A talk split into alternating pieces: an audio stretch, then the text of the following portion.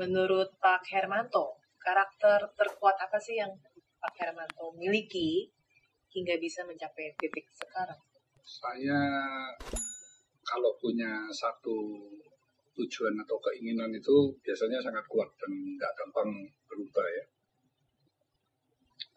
Dan bagi saya integritas itu very important untuk seseorang itu bisa terus uh, bertumbuh dan berkembang. Jadi kepercayaan itu sangat penting.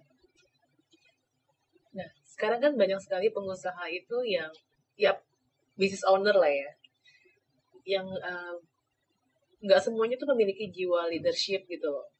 Bahkan kayak bangun tidur aja tidak termotivasi untuk langsung bangun dan kerja gitu kayak ngapain dulu yang namanya business owner gak ada bosnya lagi kan. Iya, iya. Nah, Pak Hermanto sendiri gimana? Apa sih yang memotivasi Bapak untuk tetap semangat setiap pagi gitu?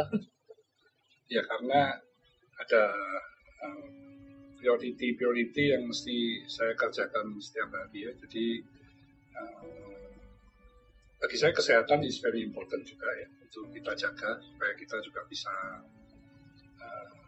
bekerja dengan lebih baik. Jadi saya rutin berolahraga lima, lima kali seminggu ya. Makan juga nggak boleh terlalu banyak. jadi makan juga secukupnya. Jadi Iya. bukan makan yang suka terus berlebihan gitu ya. Dan dari sisi bekerja itu bagi saya ini sudah merupakan sebuah hobi ya. Jadi bukan karena uangnya. Jadi ibarat kalau orang itu suka bonsai itu kan mesti dipupuk ya, Hmm. terus dibentuk, dipotong, dikembangin sehingga kalau sudah tampak cantik kan banyak tuh yang bisa menikmati keindahannya. Nah itu bagi saya sebuah perusahaan itu juga seperti itu. gitu. Bagaimana bisa terus bertumbuh berkembang dengan sehat dan akhirnya bisa memberi makna ke banyak orang.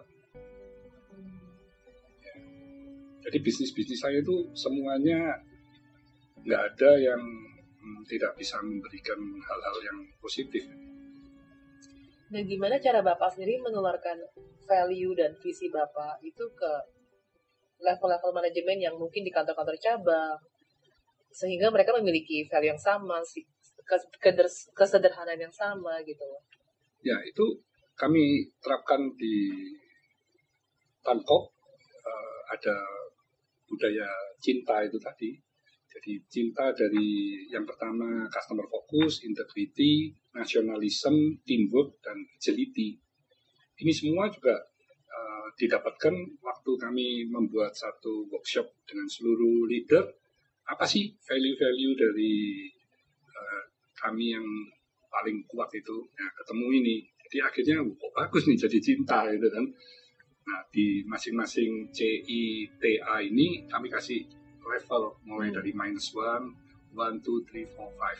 Jadi kalau integrity itu kalau cuma jujur aja ya mungkin itu level satu lah.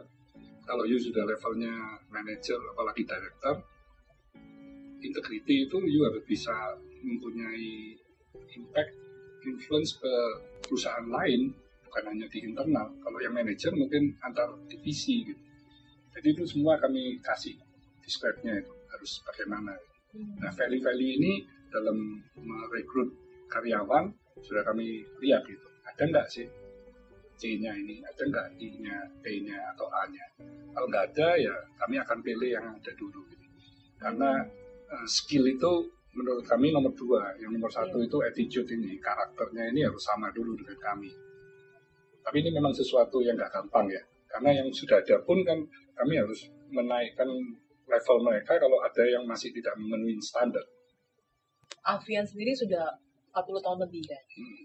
Pasti kan juga sudah ada yang senior-senior yang uh, mungkin bukan level manajemen, yang mungkin sudah tidak produktif. Nah ini Ya. biasanya banyak nih suka pengusaha nanya, itu kita apain ya? Ya. Gitu. Kalau dari, dari Pak Hermanto sendiri apain? Jadi kalau memang yang mereka masih ingin tetap bekerja, iya, ya kami ya udahlah, yuk kalau memang mau kerja ya kerja aja sudah. meskipun Saya- sudah yuk- tidak produktif loh. Iya, jadi you kalau memang nggak masuk ya sudah nggak usah masuk. Kalau you mau masuk ya you masuk.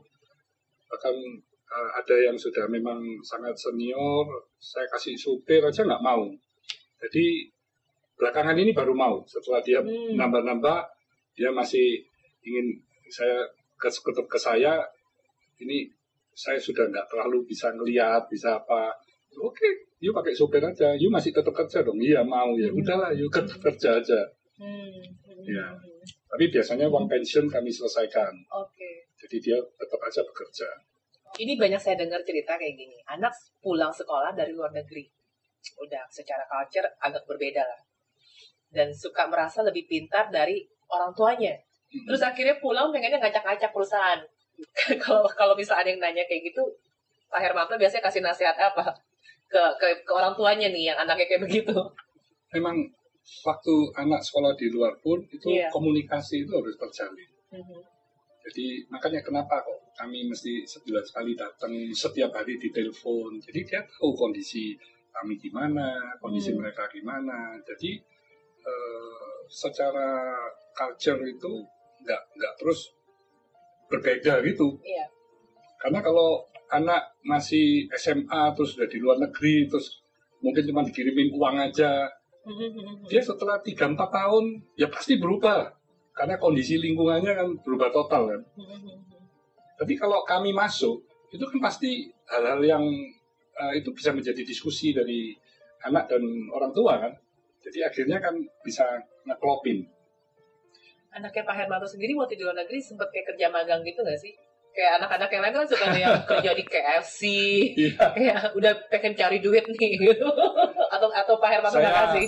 Saya sesungguhnya nggak kasih. Karena bagi saya eh, soal uang itu kan sudah nggak ada masalah. Gitu. Iya, iya. Tapi ya namanya anak ya. Mm-mm. Itu saya pernah di kontak tuh sama teman saya. Eh, anak kamu kok bisa jadi pelayan di restoran Jepang?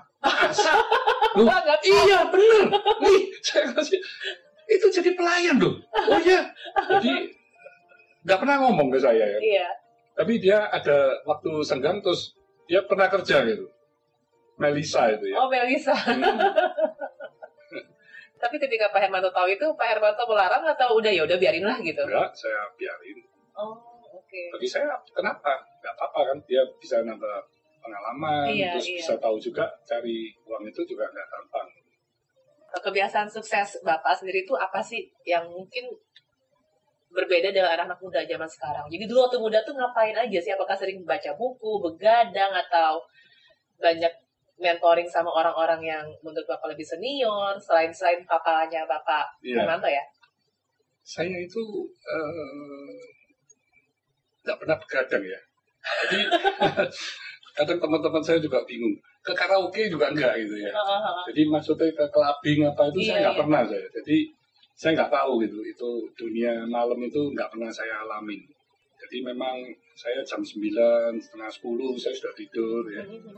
Dan saya itu suka belajar. Jadi kalau ke luar negeri, saya ke mana-mana, saya itu suka ngamatin. Kenapa ya?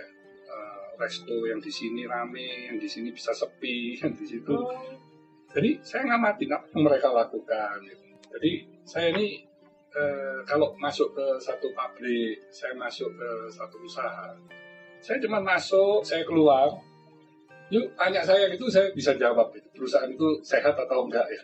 Jadi karena mungkin kebiasaan aja ya. Saya melihat orang cara bekerjanya, cara apanya. Saya cuma lewat aja. Pulang saya tahu ini perusahaan sehat nggak sehat. Gitu. Ternyata gimana gitu loh? Apakah dari orang, dari staffnya? Apakah dari mungkin manajernya yang downgrade tugasnya malah bagian staffnya, staffnya malah bagian tugas operasional yang lainnya gitu. Jadi kalau saya masuk di satu tempat itu mulai dari security-nya, mulai dari reception-nya, terus begitu masuk cara-cara mereka kerja. Nah itu udah terlihat itu kalau lagi sehat atau mereka sehat. Iya, iya, iya. Jadi kelihatan karena mungkin dari jam terbang lah ya. Jadi karena itu kan sesuatu kadang sulit dijelaskan juga. Tapi kalau perusahaan kan skalanya juga macam-macam. Skala mulai dari sangat kecil atau startup mulai menjadi cukup berkembang tadi besar, menengah dan akhirnya bisa mandiri dan akhirnya bisa uh, lari itu kan, kan pasti ada proses dan kebutuhannya. setiap tahapan itu berbeda-beda. Kalau you waktu di startup itu yang paling penting ya revenue dan profit lah. You jangan cari-cari sistem lah. Kalau orang misalkan mau buat minta ERP, nanti minta official bagus, minta ini. You, you belum dapat uang, belum apa-apa. You sudah expect lebih banyak. Akhirnya akhirnya tutup juga gitu. Karena nggak tahu bisnisnya bisa jalan atau enggak, nggak jelas. Ya, menurut saya memang harus ada tahapannya ya. Dan dengan dengan persaingan yang semakin hebat ini kan kalau you tidak ada diferensiasi yang jelas cuma ATM biasanya orang-orang ngomong amati tiru modifikasi cuma modifikasi yang gampang ditiru juga dengan orang lain. ya you nggak ada perubahan apa. Itu lebih gampang mati. buktinya kan ada seribu perusahaan yang bisa survive dalam lima tahun kurang dari lima persen. jadi sembilan puluh lima nya gagal. jadi you jangan main-main kalau waktu startup startup. ini asal cepat-cepat tapi terus akhirnya juga gagal. Ruginya tambah banyak. Menurut uh, Pak Kamarno sendiri aspek-aspek apa aja sih yang mesti ada dalam bisnis biar ya, bisa survive melalui tahapan-tahapan itu? Harus uh, punya banyak strong point. Kalau persaingan sudah demikian ketat, IMDK itu paling ketat. Nah, saya belajar banyak itu dari Leo. Ini sih yang lumayan menarik sih. Itu kan Cleo tahun 2003 kan? Iya. Nah, terus saya sempat 2003 itu saya akuisisi perusahaan IMDK. Oh, Belum Cleo, belum ada. Cleo. Belum. Nah, waktu itu saya pernah dengar interviewnya Pak Hermanto dengan uh, Pak Tom ya. Kalau di mata pertama tuh berdarah-darah gitu. Iya. Itu apa yang memutuskan Pak Hermanto masih yakin ini bisa sukses? Uh, waktu 2002 kan itu papa kan memang memutuskan kalau istri saya, istri kakak saya itu udah ganti grup lagi. Jadi akhirnya saya kan mesti mencari apa ya kira-kira yang cocok untuk istri saya ini supaya dia bisa tetap uh, bekerja kan. Kan sudah mulai merit sama saya sudah bekerja terus Iya. kapan enggak. Saya takut kalau di rumah nanti dia keluyurannya ke mall-mall itu kan sama ibu-ibu diajak sini ajak situ kan saya kasih kerjaan aja gitu Iya, terus iya. saya cari dapat perusahaan MDK yang dijual akhirnya setelah pertemuan kedua itu deal saya pikir bagus sekali MDK karena saya lihat laporan keuangan market eh, leadernya waktu itu kan omsetnya satu T 2000, 2002 itu. Kan IPO ya waktu itu TPK jadi saya bisa tahu. Tapi begitu saya masuk dengan karyawan 150 itu omset cuma 75 per bulan. Juta.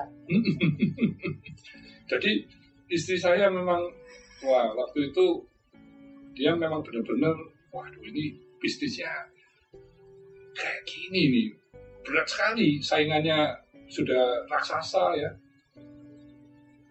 market leader bisa 60 sampai 65 persen pada waktu itu Iya. yang 35 ada 800 sampai 1000 perusahaan Hmm. jadi bayangin. Tapi waktu itu kan saya, wah ini perusahaan asing kita pasti bisa lah. Ini kan Indonesia. Saya bukan mau nomor satu di dunia, ini nomor satu di Indonesia. Nggak mungkin kalau nggak bisa gitu. Nanti saya investin lah mesin-mesin packaging semua saya investin sendiri sehingga kita bisa lean, bisa secara cost kita paling murah, Hmm. pasti kita akan memenangkan pasar pasarnya. Saya invest mesin dari Jerman ya.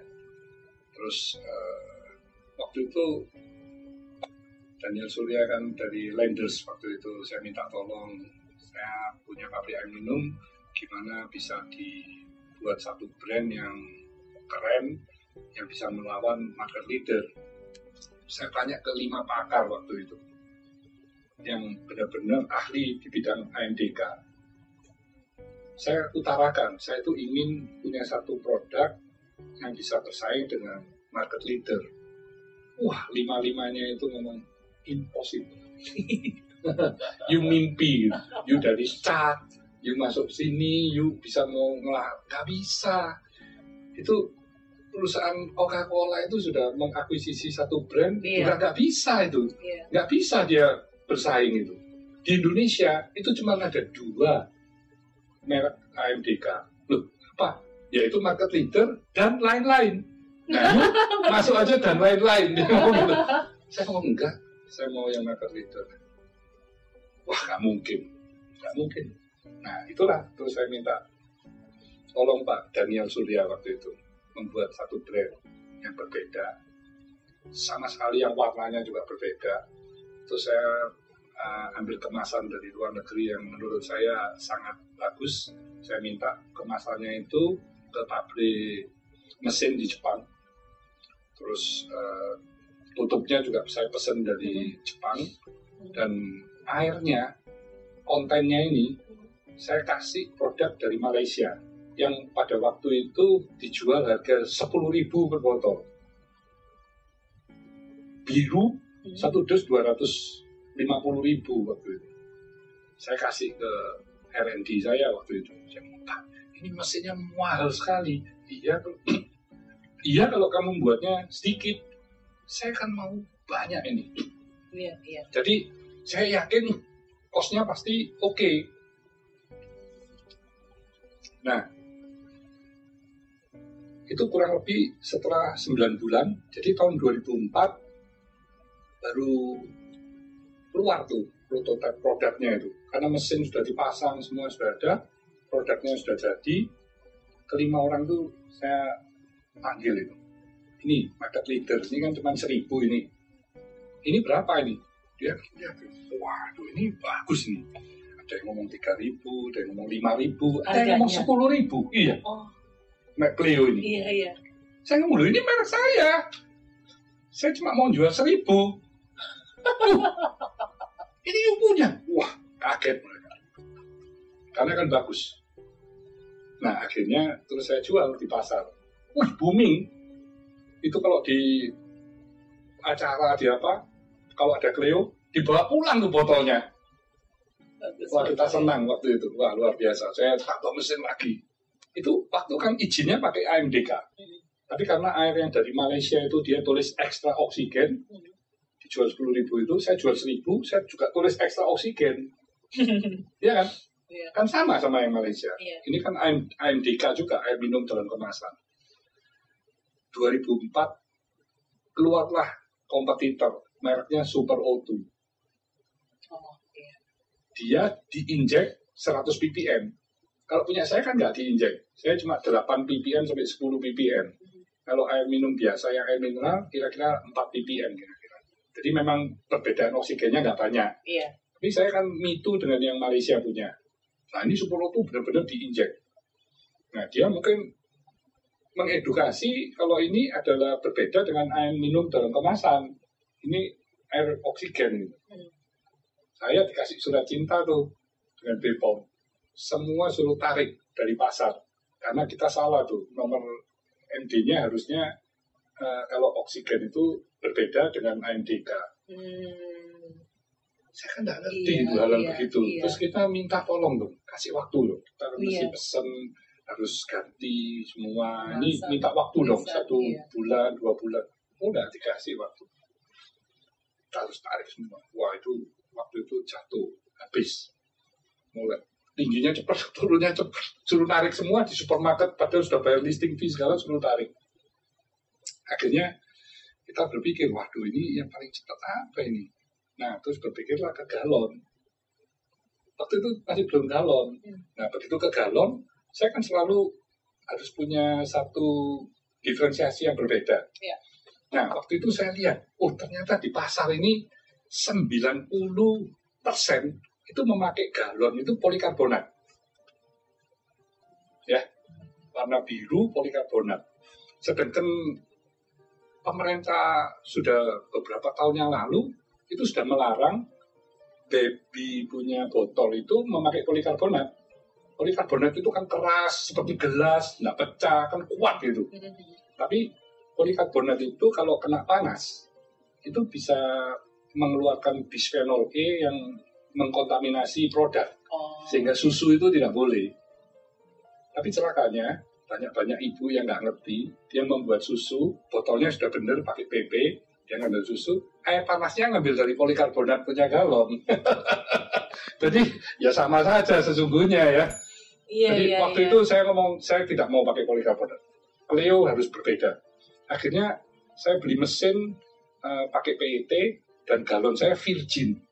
Polikarbonat yang di luar itu 50% recycle.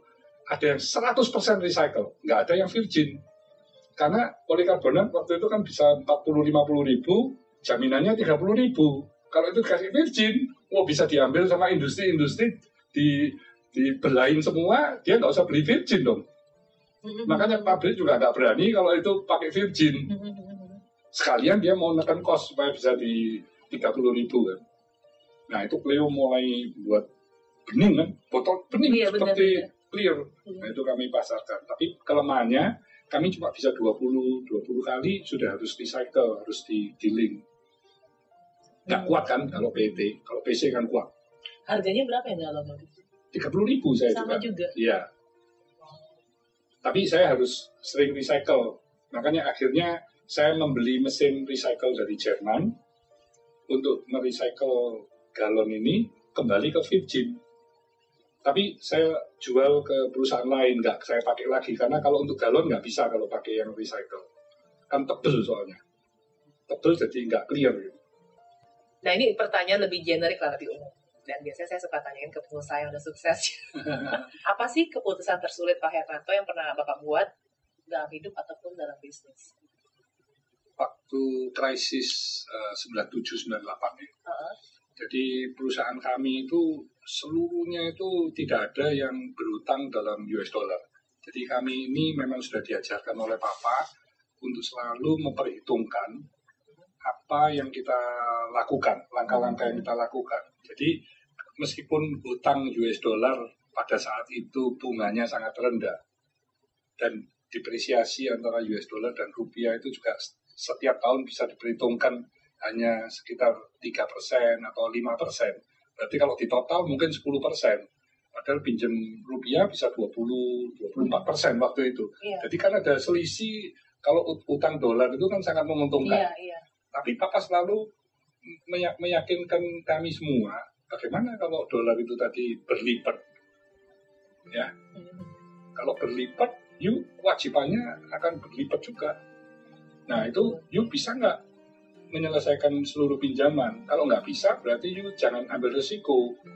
Karena you harus mempertanggungjawabkan, you harus bertanggung jawab tentang apa yang you sudah janjikan ke pihak bank pun gitu.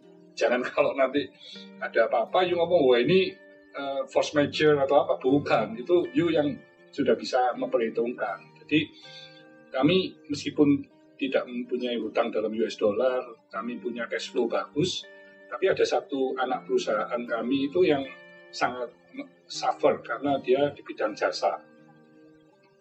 Itu drop karyawan begitu banyak dan mulai dari manajer sampai ke bawah itu ingin di PHK semua. Hmm. Jadi kami ini ingin berusaha memperbaiki, tapi mereka wis di PHK sudah tutup aja gitu. Kan itu Iya, bagi saya sangat berat, bro. aneh ini. Kita mesti harus bersama-sama dong untuk memperbaiki sehingga perusahaan itu bisa bagus lagi. Iya. Akhirnya kami di pihak keluarga pun kebetulan itu perusahaan kan tanggung jawabnya saya menekan supaya itu ditutup aja gitu. Jadi semua lingkungan meminta saya untuk menutup gitu, tapi saya ngomong enggak, jangan. Ini harus bisa hidup. Karena saya yakin dengan uh, melakukan langkah-langkah itu bisa semakin uh, sehat dan semakin baik. Kasih waktu saya. Nah, waktu itu saya membentuk tim uh, leader yang saya pilih Mhm. dari masing-masing bagian gitu. Jadi HR saya ambil satu, nanti finance saya ambil satu, di production saya ambil satu, di BPIC saya ambil satu, terus di uh, warehouse logistik saya ambil satu, pembelian. Jadi tim tujuh itu tadi saya minta setiap hari meeting, terus membuat langkah-langkah yang menguntungkan, yang strategis. Uh, kita melakukan perbaikan secara menerus-menerus, terus-menerus. Itu, itu butuh waktu lebih kurang satu tahun ya wah itu perusahaan yang dulunya jelek itu jadi terbaik dan semangat orang-orangnya itu luar biasa. Jadi bumi langit gitu. Pak Hermanto di dalam hidup Bapak itu uh, ada nggak sih pihak ya yang di luar keluarga nih, entah teman, partner atau siapa pun itu yang meninggalkan kesan mendalam gitu, mungkin ada kejadian apa gitu loh. Ya mungkin karena ini saya kan bekerja semua uh, dengan tulus dan selalu bisa memberi nilai-nilai positif ya. Jadi ada saya punya beberapa partner. Hmm. Jadi salah satunya itu uh, ada yang waktu ingin bekerja sama dengan saya itu nilai perusahaan juga dinilai bukan sebagai investor tapi sebagai partner. Hmm. Jadi nilainya itu nilai buku aja yang dikasih oh. ke saya. Dan akhirnya uh, waktu setelah saya masuk saya tidak mengecewakan. Jadi uh, waktu mereka kesulitan uh, dana pun secara personal garanti saya kasih. Padahal personal garanti itu kan saya berarti menggaranti 100%. Iya, bukan iya. cuma share saya saja iya, gitu ya. Iya. Nah itu saya kasih. Jadi saya memang kalau memang sudah masuk mendukung ya saya anggap perusahaan itu juga anak saya itu meskipun saya tidak memiliki 100% ya. Mm-hmm. Dari situ perjalanan dari waktu ke waktu semakin lama saya punya partner ini banyak sekali sampai puluhan Jadi ada yang ingin uh, kerja sama sama saya, dia ngomong, Pak, udah, Bapak kalau bisa saya kongsi sama Bapak, udah soal nilai udah nggak usah, nggak usah itu nomor sekian aja, nggak usah yang diutamakan gitu. Padahal itu perusahaan sudah uh, dia jalankan selama 30 tahun lebih gitu ya. Itu kan seperti baby gitu ya kan, iya, iya. sangat uh, sudah seperti babynya pun dia rela untuk join dengan saya dan soal nilai nggak pernah menjadi satu pembahasan yang utama. Makanya saya sebaliknya, saya nggak mungkin bisa mau mengecewakan mereka kan. Jadi kalau memang saya melihat saya tidak akan memberikan uh, kontribusi bagi perusahaan itu, ya saya nggak mau. Karena kalau saya bisa, baru saya mau. Sehingga akhirnya kan win-win gitu ya. Iya, jadi dia iya. untung, saya juga untung. Jadi kita bisa sama-sama Eh, saling melengkapi untuk membesarkan perusahaan. Jadi partner saya sekarang ada puluhan, jadi banyak. Yang paling muda usia berapa? Wah, yang paling muda ini usia 24 ini ya. Wah. Jadi itu membuat saya semakin young ya. Bisnis di F&B. Oh. Karena saya ingin masuk di F&B juga. Jadi sesungguhnya saya nggak hanya ingin satu sih. Jadi F&B ini saya mau ada beberapa perusahaan jadi seperti dalam satu kelompok usaha F&B gitu supaya uh, semakin uh, bisa bersaing dengan pemain-pemain yang sudah lama kan. Tapi saya menganggap F&B uh, yang ada di pasar ini uh, hampir keseluruhan itu adalah asing. Gitu. Hmm. Nah, saya mau yang benar-benar lokal, hmm. yang bisa mengalahkan perusahaan-perusahaan asing yang sudah merajai di Indonesia punya pasar F&B keputusan Pak Hermanto untuk akhirnya memutuskan, oke okay lah saya mau invest nih kayaknya, itu biasanya faktor-faktor apa sih? Uh, saya kan ada delapan subholding Iya. Jadi yang satu bergerak di manufacturing ini di cat, di chemical, di plastik. Hmm. Terus ada di properti, ada di hotel operator, hotel management. Hmm. Terus ada di bisnis uh, beverage, ada di kosmetik, iya, beauty, ada, iya. ada distribution, hmm ada di networking, saya ada perusahaan iya. MLM, terus ada di F&B. Jadi kalau, kalau ada di delapan ini uh, dan kami yakin bisa mensupport untuk perusahaan tersebut berkembang, baru kami masuk. Hmm. Contohnya tahun 2018 itu ada satu perusahaan fashion ingin saya masuk juga. Waktu itu, waduh, fashion, garment, ini saya liatin di map mapping saya ya ini fashion ini bisa masuk di mana gitu nah ternyata saya kan ada di uh, kosmetik kan ada di beauty ini iya. saya lihat oh ini juga lifestyle juga ini iya. berarti ini saya gabungin uh, ke lifestyle lifestyle yang mungkin saya bisa ngembangin nantinya kalau bisa punya banyak kategori dan punya banyak brand, berarti saya bisa ngisi dong itu di mall-mall atau di mana. Jadi sekali sekali masuk sudah bisa uh, menyewa lahan yang cukup luas sehingga bergeningnya kan juga pasti lebih bagus. Benar-benar.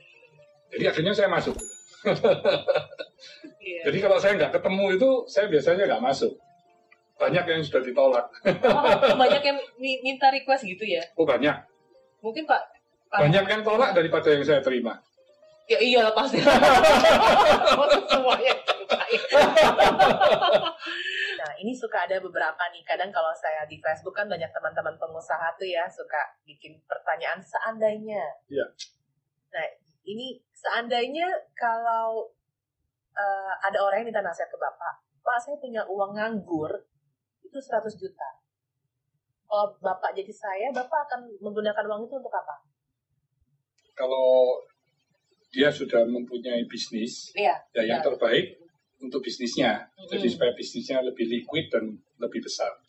Tapi kalau tidak mempunyai bisnis, maksudnya dia seorang profesional Mm. atau itu ada Karyawan. kelebihan dari Iya. salary atau kelebihan dari bisnis yang dia tidak mau mengembangkan bisnisnya, yang terbaik itu adalah uh, invest di saham.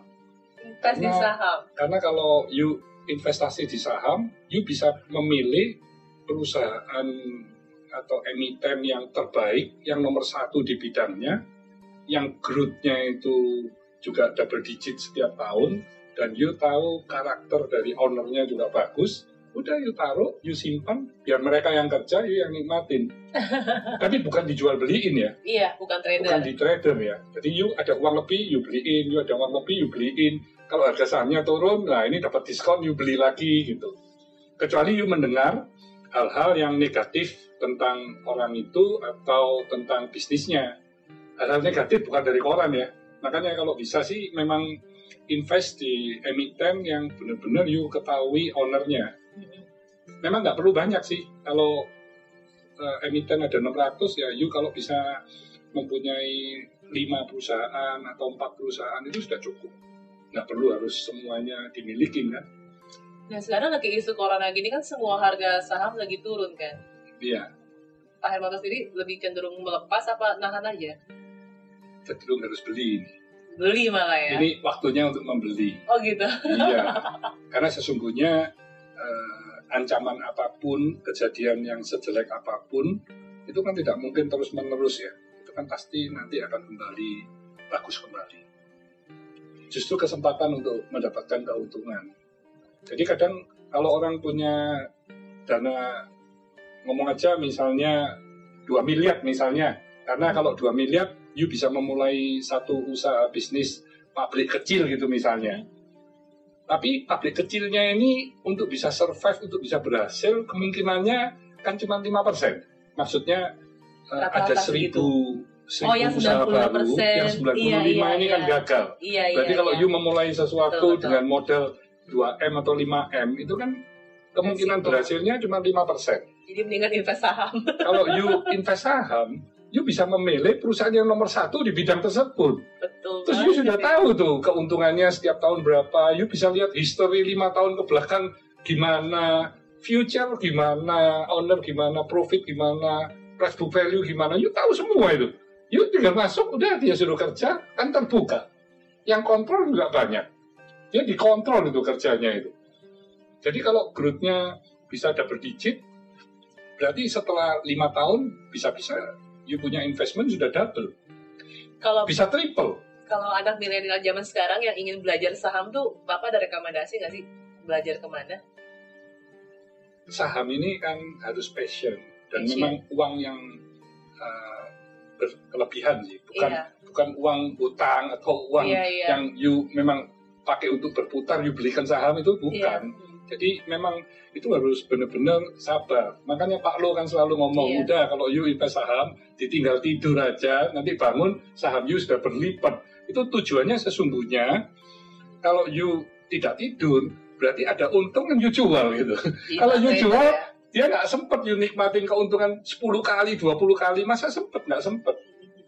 Nih Pak Hermanto ini kan melalui uh, Hermanto Tanoko Foundation ya. Ya. ada visi ingin menelurkan, melahirkan satu juta wirausahawan. Ya.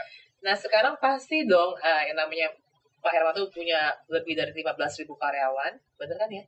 Yuk. Ya. Pokoknya terakhir saya saya, saya dengarnya segitu 15 ribu, pokoknya banyak lah. Ada yang ingin jadi jadi uh, pengusaha lah. Nah seandainya ada karyawan kunci bapak gitu karyawan yang uh, lumayan leader lah atau key lah key person ingin resign Pak Hermanto tuh akan izinkan jika Pak Hermanto pasti ngeliat dia kayaknya ini cocoknya jadi pengusaha atau ke, akan izinkannya tuh sampai kayak gimana sampai Ya. ya udah dia kayaknya lu kalau gua kasih resign boleh lah lu kayak Ya. cocoknya jadi pengusaha gitu kan Jadi memang eh, karena saya dibesarkan untuk menjadi pengusaha, terus dalam hidup ini saya juga ingin eh, berbagi. Yang saya bisa bagikan ya gimana saya bisa menciptakan eh, satu juta pengusaha ini dengan memberi kail gitu. Jadi bukan Iya. memberi ikan. Dari mana? Ya dari bisnis unit bisnis unit saya yang ada, terus dari foundation saya. Jadi saya khusus bagaimana bisa memberi kerja, kasih rombong, jualan tahu tek, tapi dia bisa mendapatkan penghasilan yang rutin. Tapi harus bekerja, nggak nggak bisa cuman diem aja kan, cuman minta uang atau minta sumbangan. Terus saya juga ingin mendirikan sekolah SMK yang sekarang lagi diurus izin dan eh, apa eh, desainnya, yang mana sekolah SMK ini nanti juga diajarin 50% secara akademis, 50 persennya saya akan minta teman-teman saya yang banyak pengusaha, termasuk Christina juga, jadi dosen tamu, ngajarin mereka bagaimana mereka nanti setelah tiga tahun kemudian lulus sudah bisa menjadi wirausaha. wah keren Tidak harus bekerja di tempat saya, anak saya sekolah situ deh tapi ini memang khusus ya. Jadi saya Oke. prioritaskan ini untuk anak-anak yatim piatu oke di seluruh Indonesia yang mana mereka pasti tidak punya satu cita-cita atau kehidupan masa depan yang baik. Ini yang mau saya ambil. Dan di sini adalah benar-benar eh, saya tidak melihat eh, perbedaan dari ras, perbedaan dari agama, ya semua akan saya terima secara eh, eh, persentasenya imbang supaya di sekolah itu harapan saya bisa benar-benar bineka tunggal ika. Ini kan persiapan kalau saya sudah tidak full time bekerja, Iya. saya akan ke depannya saya akan full time di di foundation dan Wah. yayasan kan. Jadi saya tinggal waktu aja nanti berapa persen berapa persen sampai saya 100 persen. Nah dari sisi profesional itu kadang mereka untuk menjadi seorang profesional maupun entrepreneur itu kan memang pilihannya. Nggak, nggak semua orang cocok untuk bisa menjadi seorang entrepreneur. Kalau bagi saya mereka mau berubah menjadi entrepreneur, saya syukurin. Karena berarti kalau mereka mau mencoba jenjang atau tantangan yang baru dan itu merupakan eh, keinginan dia untuk menjadi seorang pengusaha ya bagus sekali. Tapi saya eh, di dalam perusahaan saya ada beberapa level yang akhirnya jadi partner saya juga sih usaha yang lain ya. Ada juga yang eh, saya tawarin tapi eh, menolak. Maksudnya saya sebagai profesional aja. Karena kalau saya sebagai profesional, saya juga sebagai business owner, ini nanti saya susah nih profesionalismenya. Jadi saya nggak bisa beda-bedain. Saya mau keren juga. Jadi memang nggak semua orang itu punya impian yang yang sama ya. Hmm. Ya, kita juga menghargai lah apa yang mereka inginkan ya. generasi milenial zaman sekarang apalagi kalau misalnya kita meng-hire-nya mulai dari yang level paling bawah itu ya. Yang clerical lah ya. Level clerical gitu. Kan banyak yang suka pengusaha UKM sekarang tuh bilang aduh nyari human capital tuh nyari SDM tuh susah. Ya. anak sekarang apalagi yang umur 20 sampai 25 aja tuh capek dikit resign. Bahkan yang ngelamar misalnya ada 20 orang nih ketika dipanggil yang datang lima orang Ya. Ntar rumahnya jauh lah ini begini aduh Ya. Nah kalau dari segi dari dari Tancorp sendiri nih ketika hiring prosesnya itu seperti apa sih? Ada Ya. kiat-kiatnya nggak? Ya, kami memang waktu seleksi itu harus lebih ketat ya. Jadi misalnya dari seribu pelamar itu paling cuma 10 atau 15 saja yang bisa terterima ya. Hmm. Jadi proses seleksinya yang kami ketatin. Nah setelah terterima juga ada proses uh, selanjutnya dari sisi training, compensation and benefit. Jadi kalau mereka memang benar-benar jenjang karirnya kami kami berikan supaya mereka juga bisa mengejar kan. Ada tahapannya gitu. Hmm. Dan challenge-challenge-nya kalau di Bangkok ini semuanya pertumbuhannya double digit ini kan memang sangat menantang. Kalau memang mau belajar di sini dan memang akhirnya bisa memberikan kontribusi kepada perusahaan kan nggak ada batasan juga gitu. Oke Iya. lah ya. Iya. Jadi memang eh, milenial sekarang ya akan milih-milih perusahaan kecil, perusahaan besar, atau dia bisa terus jenjangnya bisa naik, terus sesuai kerja dengan passionnya. Itu Bapak waktu mulai dari berkembang 18 karyawan sampai banyak sampai banyak itu akhirnya belajar dari siapa sih? Ada hire consultant kah? Wah Kayak, itu misalnya ini, ini ini nasihat buat saya nih karyawan sekarang baru 40 nih untuk dedet-dedet baik itu gimana Ya. karena kan suka pusing loh itu mikirinnya itu itu harus punya satu mentor. Itu akan lebih cepat kan. hmm. Tapi yang you memang benar-benar bisa menerima dan you akhirnya ngikutin dan step-stepnya memang mempunyai hasil ya. iya, iya. itu akan lebih cepat.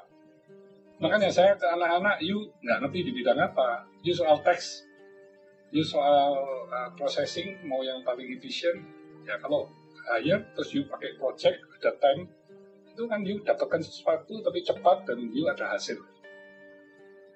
intinya harus selalu menjadi pembelajar lah ya Iya.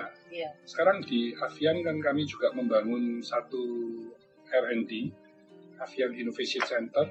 Kami invest sampai ratusan miliar hanya untuk lab. Nah ini nantinya kami kan juga akan hire uh, expatriate-expatriate dari luar, Mhm. yang mana mereka akan kami berikan project untuk diselesaikan. Nah itu akan mempercepat kami punya pengembangan uh, produk-produk Keren, 5.000 meter persegi. Wah. Hanya untuk lab.